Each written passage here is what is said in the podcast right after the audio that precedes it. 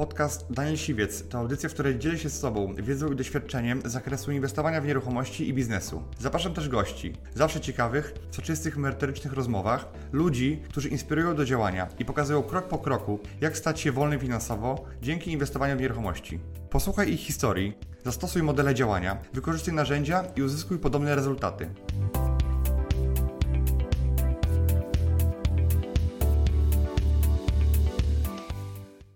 Cześć Danielu. Witam Cię, Danielu. Dzięki za zaproszenie. Tym razem trochę w innych y, okolicznościach przyrody. Tak, jest mi bardzo miło. Zawsze chciałem przejechać z nieustraszonym. Nazywam się Daniel. E, Od dwóch lat interesuję się dosyć mocno rynkiem e, nieruchomości. Sam już aktywnie Mhm. zacząłem inwestować. Mam na koncie kilka przygód w Oslo. Właśnie dwa kupna, jedno kupno nieruchomości i sprzedaż z dosyć fajnym zyskiem. Teraz będę niedługo szykował się do sprzedaży Mhm. domu. Mam nadzieję, że to jest fajnym zyskiem i chciałbym tą, ten kapitał wykorzystać w Polsce. W tym momencie jestem też e, właścicielem jednej nieruchomości w Łodzi, e, mini akademiku, 7 sypialni z dosyć fajnym zwrotem. E, No i szykuję się do kolejnych jakichś inwestycji, a w przyszłości planuję wejść w branżę deweloperską, mam Okej. nadzieję z Twoją pomocą. Okej, super. No, mam kilka pytań do Ciebie. Ja myślałem na, o tym, żeby ten ta rozmowa bardziej przebiegała w tonie deweloperskim. Okej. Do tej pory było więcej tematów fliperskich. Mnie interesują tematy bardziej deweloperskie. Okej, chciałeś po prostu się popytać o parę rzeczy, tak? Dokładnie. Myślę, że osoby, które gdzieś tam myślą o deweloperce mogą sobie skorzystać. Dobra, w sumie pierwsze pytanie, które mam do Ciebie, żebyś wymienił takie trzy kluczowe czynniki, e, które Ty uważasz, że każdy deweloper e, powinien posiadać. Mam tu na myśli cech osobowości, Mhm. Cechy mentalność. Okej. Taki modelowy deweloper według Ciebie, którego chciałbyś zatrudnić na przykład i powierzyć mu swoje obowiązki, stwierdzić tak, to Mhm. byłby gość, który się nadaje. To powinien być taki dobry, przede wszystkim dobry organizator. Czyli osoba, która dobrze umie koordynować procesy. Czyli to nie ma być człowiek od wszystkiego i wszystkim ma być dobry, bo on nie może być dobrym we wszystkim, Mhm. tylko ma być przede wszystkim dobry organizator. Czyli potrafi skoordynować pewne procesy, potrafi zorganizować to dobrze i potrafi złączyć ze sobą takich ludzi, których spotka na swojej drodze e, i tak nimi zarządzać albo za, za, za tymi procesami, tak żeby na końcu e, ten projekt się spiął i został zrealizowany. I Ja znam wielu deweloperów i każdy z nich jest, ma inną osobowość. Mhm. I każdy z nich sobie doskonale radzi, więc nie ma takiego typu osobowości, który byłby najlepszy.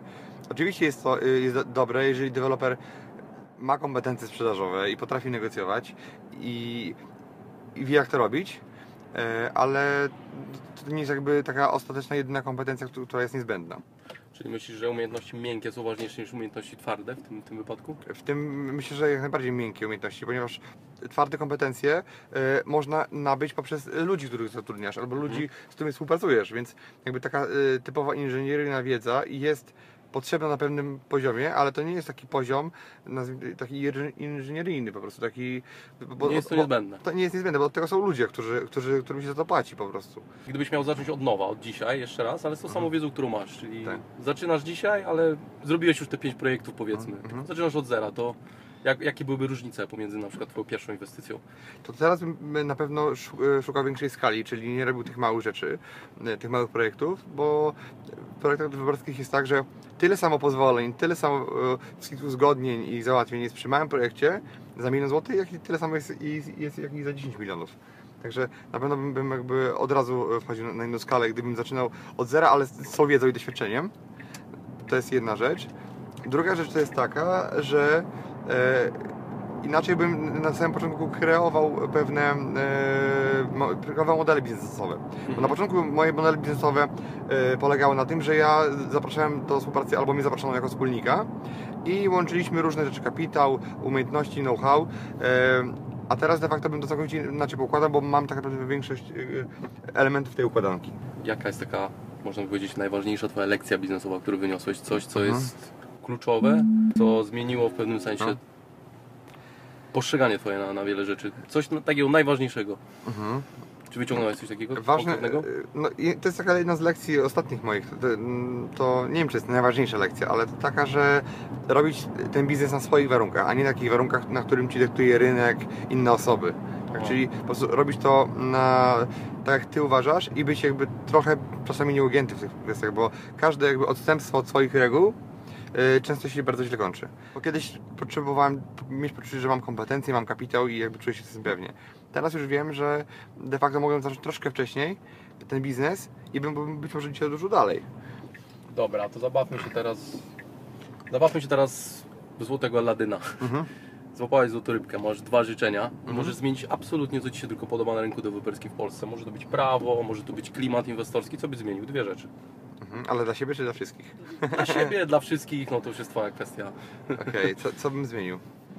Mm. Coś, co Cię może najbardziej irytuje, coś, co Cię najbardziej blokuje, albo czujesz, że to jest na przykład mm, coś, co no, nie pomaga inwestorom. Na, na pewno bym gdzieś tam zaimplementował pewną legislację z kraju, nie wiem którego, gdzie jakby żyje się prosto, bo Polska jest w czołówce krajów, gdzie trudno się prowadzi biznes. I na pewno bym zaimplementował te, te przepisy prawne, które po prostu i, i ramy pewne, które pomagają robić wiele rzeczy bez, bez zbędnej zwłoki, bez zbędnej, e, bez zbędnych formalności. Przy- Przyspieszyłbyś, można powiedzieć, w pewien sposób pro, proces decyzyjny. Tak, na, taki, na pewno administracyjny. Tak, y, to jest inna rzecz. E, A druga, d, d, drugie pytanie, takie dla złotej rybki, Mhm. Mm, Znaczy drugie pytanie, druga prośba. A ja mam dużo prośb, ale takich. Ale to załóżmy, Ale, że to są ale, dwie najważniejsze. ale tak z branży deweloperskiej, tak? Tak. E, Co bym. Generalnie na pewno. e, Może źródło finansowania albo... Nie, tutaj akurat nie- ma problemu, tak? Nie tutaj, tutaj, tutaj jakoś. e, Tutaj państwo się jakoś nie, nie, mocno nie ingeruje, ale na przykład chciałbym, żeby taka sytuacja możliwości zabudowy była dosyć transparentna, czyli żeby wszystkie działki były objęte planem miejscowym, żeby no, żeby było to, to, to z góry transparentne, tak? I żeby ten proces ewentualnej zmiany planu był dosyć taki prostszy i, i czytelniejszy, a nie w tym momencie jest tak, że połowa, połowa działek e, ma plany, połowa nie ma i tak na dobrą sprawę ten system, który jest mm, oparty o warunki zabudowy faworyzuje jednych, a, a krzywdzi drugich. Rozumiem. Teraz przejdźmy może do, e, do tematu początkującego dewelopera. Jakie Ty widzisz trudności u ludzi, którzy zaczynają w Mhm. tym biznesie? Co, co sprawia im największe tru- trudności, problemy i z czym się najbardziej zmagają na początku? Okej, przede wszystkim na samym początku tej głowa przeszkadza do tego, żeby, żeby zaczęli inwestować. Czyli blokada. Tak, blokada, bo, bo wiele osób myśli sobie, że to trzeba mieć milion złotych, żeby zacząć działać. Wiele osób myśli, że, że, że to jest nie wiadomo jak trudne, e, że te pr- przepisy prawa no, nie są łatwe, Mhm. ale, ale też jakby że są niemożliwe do, do, do przejścia. Mm, I tutaj po pierwsze to brak do kapitału, po drugie przekonanie, że no, to jest zbyt trudne. Niektórzy też uważają, że ustawa deweloperska bardzo ogranicza dewelopera na tyle, że nie, nie da się Mhm. w ogóle e, nic robić. A ile, jak uważasz, ile czasu, ile, ile inwestycji bądź czasu potrzebuje taka początkująca osoba, żeby już stać się tak w pełni samodzielna i świadoma i generalnie no, po prostu deweloperem przez duże D? Mhm. Wiesz co, e, wystarczy, ja uważam, że zrobi jeden albo dwa projekty i już powinna taka osoba się poczuć pewnie. Na, na tyle pewnie, żeby już się nie bać większych rzeczy. Wiele ludzi uważa, że w tej branży w ogóle bez znajomości to nie ma cokolwiek startować. Co ty na ten temat sądzisz? To jest Ja, mit? ja myślę, że nie, że nie bo wie, wielu deweloperów e, prowadzi biznesy z, w różnych miastach. I generalnie, wiadomo, jak ktoś pochodzi z danego miasta, to mu łatwiej pewne rzeczy przychodzą, a pewne gorzej. A, a jak e, są deweloperzy, którzy globalnie działają, to oni tutaj nie mogą liczyć na, Na znajomości. na, na jakieś znajomości. Także to, to, to, jest, to jest mit. Oczywiście jest tak, że jak się kogoś zna i ktoś jest bardziej przychylny, że, że, że coś pomoże, no to jest lepiej, ale Ale to nie jest tak, że bez tego się nie tak, da. bez tego się nie da. Gdybym ja sam chciał pójść Mhm. teraz i, i wejść w ten rynek y, deweloperski, Mhm. zdobyć wiedzę, w pewnym sensie kontakty i, i, i samemu wystartować, na przykład w sytuacji, kiedy ty pomagasz mi jako mentor. Gdzie te Mhm. różnice są, gdzie ja tu czuję, gdzie, gdzie, gdzie te korzyści Mhm. największe zyskam. Okej, no przede wszystkim ja jestem taką osobą, która Ci prowadzi krok po kroku, yy, czyli jakby nie dość, że, że Ci przeszkoli, to, to jeszcze Ci pokaże yy, na każdym etapie, jak będziesz miał jakieś pytania, yy, bo to, że dostaniesz dzisiaj pewną wiedzę, to jest jedno, ale yy, będą, będą na, twoim, na Twojej drodze pytania i wątpliwości, problemy do rozwiązania i ja będę je razem z Tobą rozwiązywał, więc po to jest potrzebny mentor, żeby w takiej najtrudniejszej sytuacji, żebyś podjął dobrą decyzję, bo ta zła decyzja może w ogóle rozsypać cały Twój biznes. Rozumiem. Więc jakby wiedza to jest jedno, ale nie da się nauczyć na, na wszelki wypadek. Prawda? Można się nauczyć e, jakby po, poznać wiele, wiele wątków i wiele możliwości, e, ale no mentor jest od tego, który już to przeszedł wiele rzeczy i on widzi zagrożenie dwa kroki do przodu. Rozumiem, czyli tak jakby uprzedzasz problemy i Tak. oszczędzasz pieniądze w pewnym sensie. Oszczęd- ale to nie chodzi tylko o oszczędności, tylko ale czasami jest tak, że można iść pewnym schematem rozumowania, bo nie wiem, projektant ci zaproponuje pewne rozwiązanie, tak? Mhm. ale ktoś z innej perspektywy deweloperskiej, doświadczenia innego może powiedzieć, że to wcale nie jest najbardziej intratna forma wykorzystania tej działki. Można inaczej. Można inaczej, można zrobić dwa razy więcej. Można dwa razy więcej tam wybudować na przykład, tak? Albo le lepsze mieszkania, ale lepiej to sprzedać później. Co ty generalnie uważasz, y, w tym momencie już biorąc pod uwagę Twoje doświadczenie, na temat zmieniających się właśnie ustaw, Mhm. e, legislacji? Czy ty to śledzisz na bieżąco? Czy to zlecasz swoim doradcom, prawnikom Mhm. i oni ci tak jakby wyciągają clue z tego, czy... Wiesz co, ja jakby staram się być na bieżąco, ale no, to jest tak, że pra prawników biorę do sytuacji, w której są oni mi potrzebni, prawda? Nie, nie, e, oni nie, nie przychodzą do mnie na, na kawę co dwa tygodnie i nie Mhm. reportują mi, jak się prawo zmieniło w Polsce, bo to by było bez sensu. Bo musi, musielibyśmy się spotkać e, dwa razy w tygodniu. Ale ja sam, sam to monitoruję takim na, na poziomie bardzo ogólnym, tak? Czyli jeżeli coś się zmienia, to generalnie ja, ja wiem, wiem od razu, ale jak to będzie miało przełożenie generalnie na biznes, i jak można by było ten biznes wykorzystać później, no to od tego już są prawnicy, żeby mi, mi powiedzieć przy, w konkretnym case'ie, który ja mam, albo problemie. Bo nie, niektóre rzeczy są pro, proste i są literalnie jeden do jednego, tak? A nie, niekiedy są pewnie wielowątkowe sytuacje i transakcje, w którym trzeba wziąć teraz prawnika i, I z nim przedyskutować. i, i na z nim przedyskutować, tak. No to słuchaj, no powiedz coś więcej, kurczę, co ty myślisz o tej ustawie na temat tych sąsiadujących działek, czy to Z przodu boksuję ewidentnie. z przodu było sobie. No, y, o ustawie, tak? Tak, O tej nowej, które Czy to wywróci trochę rynek, czy to podniesie ceny działek, czy to Pewnie- wstrzyma trochę inwestycje? Pewnie, że wiesz, to że wróci rynek. Ja uważam o, o tej ustawie, że, Mhm. że ona generalnie, jeżeli wejdzie, to złamie jakby święte prawo własności do, do, do zabudowy. I teraz yy, w tym momencie masakrą będzie to, że jeżeli sąsiad, nasz sąsiad nie ma działki zabudowanej, to my na swojej nic nie postawimy. No bo to tam ona musi chyba 4 metry, tak? Sąsiadowe z zabudowaną działką co najmniej. Tak, tak. I to, żeby to samo jeszcze wbudować. A teraz naprawdę tereny, które są fabryczne, w jaki sposób będą rewitalizowane? Jeżeli plany miejscowe jest, nie są uchwalone i, i miasto się nie śpieszy, żeby je uchwalić. Tak naprawdę deweloper, który kupił działkę 10 lat temu Mhm. i, i, i nawet ma wydane warunki zabudowy, to w tym momencie może te warunki zabudowy za dwa lata stracić i de facto nic nie wybudować. Zostać działką, z której, z której Tak. nie zrobić. Ani Dokładnie. sprzedać, ani... Tak. Sprzedać może, ale kto ją kupi? Kto ją kupi dokładnie. Tak. Dlatego to jest jakby ewidentne e, działanie na, na, na szkodę właścicieli ziemi, ale no nie wiem co rynek pokaże, no na pewno biznes nie dość próżni i jedni na tym stracą, drudzy na tym zyskają. No, tak, ceny działek i ceny nieruchomości na pewno pójdą w górę. Tak, no, na, na, na pewno. E, no i automatycznie ceny mieszkań przez to, tak, także... Ceny mieszkań, tak. Jest taka teoria, że tak jak są cykle w pewnych branżach, No. tak jak i w nieruchomościach, jest spadek, jest, jest, jest ta górka. Załóżmy, że teraz gdzieś tam się zbliżamy do górki, bo gdzieś te ceny nieruchomości rosną, czyli to, załóżmy, że to są te tłuste lata, no to wtedy człowiek się musi szykować na te chude. Szykujesz się Tak. na te chude? No pewnie się szykuje. No, każdy będzie przygotowany na, na te chude lata. Tylko, że jak ja sobie te inwestycje swoje planuję, to ja niezależnie od tego jaka będzie koniunktura, to i tak je skaszuję. Tak? To po prostu jestem przygotowany, że zarobię mniej, a nie, nie że, że na, na nich stracę. Bo ja, ja nie idę z grubo myśląc o tym, że za 3 lata yy, rynek będzie jeszcze lepszy yy, i wszystko schłonie. Nie, za 3 lata może być różnie. I jestem na, na to przygotowany, także A masz jakiś plan B, w sensie na przykład, że no, branża deweloperska mocno przystopuje i, i nie będzie ciężko wyjść z jakimś tam kolejnym projektem, czy raczej to nie wchodzi w grę, czy masz plan B na... Myślę, że nie, nie przystopuję, e, że- żeby się w ogóle przystopować, bo teraz nawet jak był kryzys, to i tak deweloperzy budowali. Oczywiście patrzyli na, na projekty dwa razy e, ostrożniej i zastanawiali się, czy budować, czy nie budować, czy, czy zostawać, ale w konsekwencji też budowali, bo popyt mimo wszystko był, bo ci ludzie potrzebowali mieszkań, tak, i oni budowali dla tych ludzi. I tak samo ten popyt jeszcze długo, długo będzie, Rozumiem. bo popyt, popyt nie dość, że rośnie, to jeszcze rośnie jakby wielkość średniego mieszkania. Tak, a co myślisz na temat stóp procentowych, bo teraz jest e, hype głośny, że stopy procentowe rosną w przyszłym roku, prawie pewne już. Mhm. Jak uważasz, jak to wpłynie na wtórny i pierwotny rynek? Wiesz, to na pewno jakby zmniejszy możliwość klientów do zaciągania kredytów i jakby podrożają im te, które już mają. I no, na pewno jakby ilość osób e, straci możliwość w ogóle mm, przyznania kredytu, bo straci zdolność przez to, bo jak pójdą stopy, nie wiem, o, o 0,5% czy 1%, to niby niewiele, ale de facto rata się komuś zwiększy o 10-20%, więc teoretycznie 10-20% o- osób, które mają zdolność na styku, tej zdolności mieć nie będą. Takie mam pytanie do Ciebie, bo teraz jak się widzi te nowe inwestycje No. deweloperskie, to zazwyczaj jest tak, 8 metrów blok blok, zero jakichś terenów zielonych, nic, kompletnie nawalone tych bloków, wiadomo, żeby ten pum był jak najwyższy, tak? Tak. Jak Ty do tego podchodzisz względem na przykład inwestycji w tereny zielone, w, w atrakcyjność działki, względem zysku Twojego i też szybkości sprzedaży tej nieruchomości? Mhm. Gdzie, to, gdzie, gdzie to znajduje gdzieś ten złoty środek?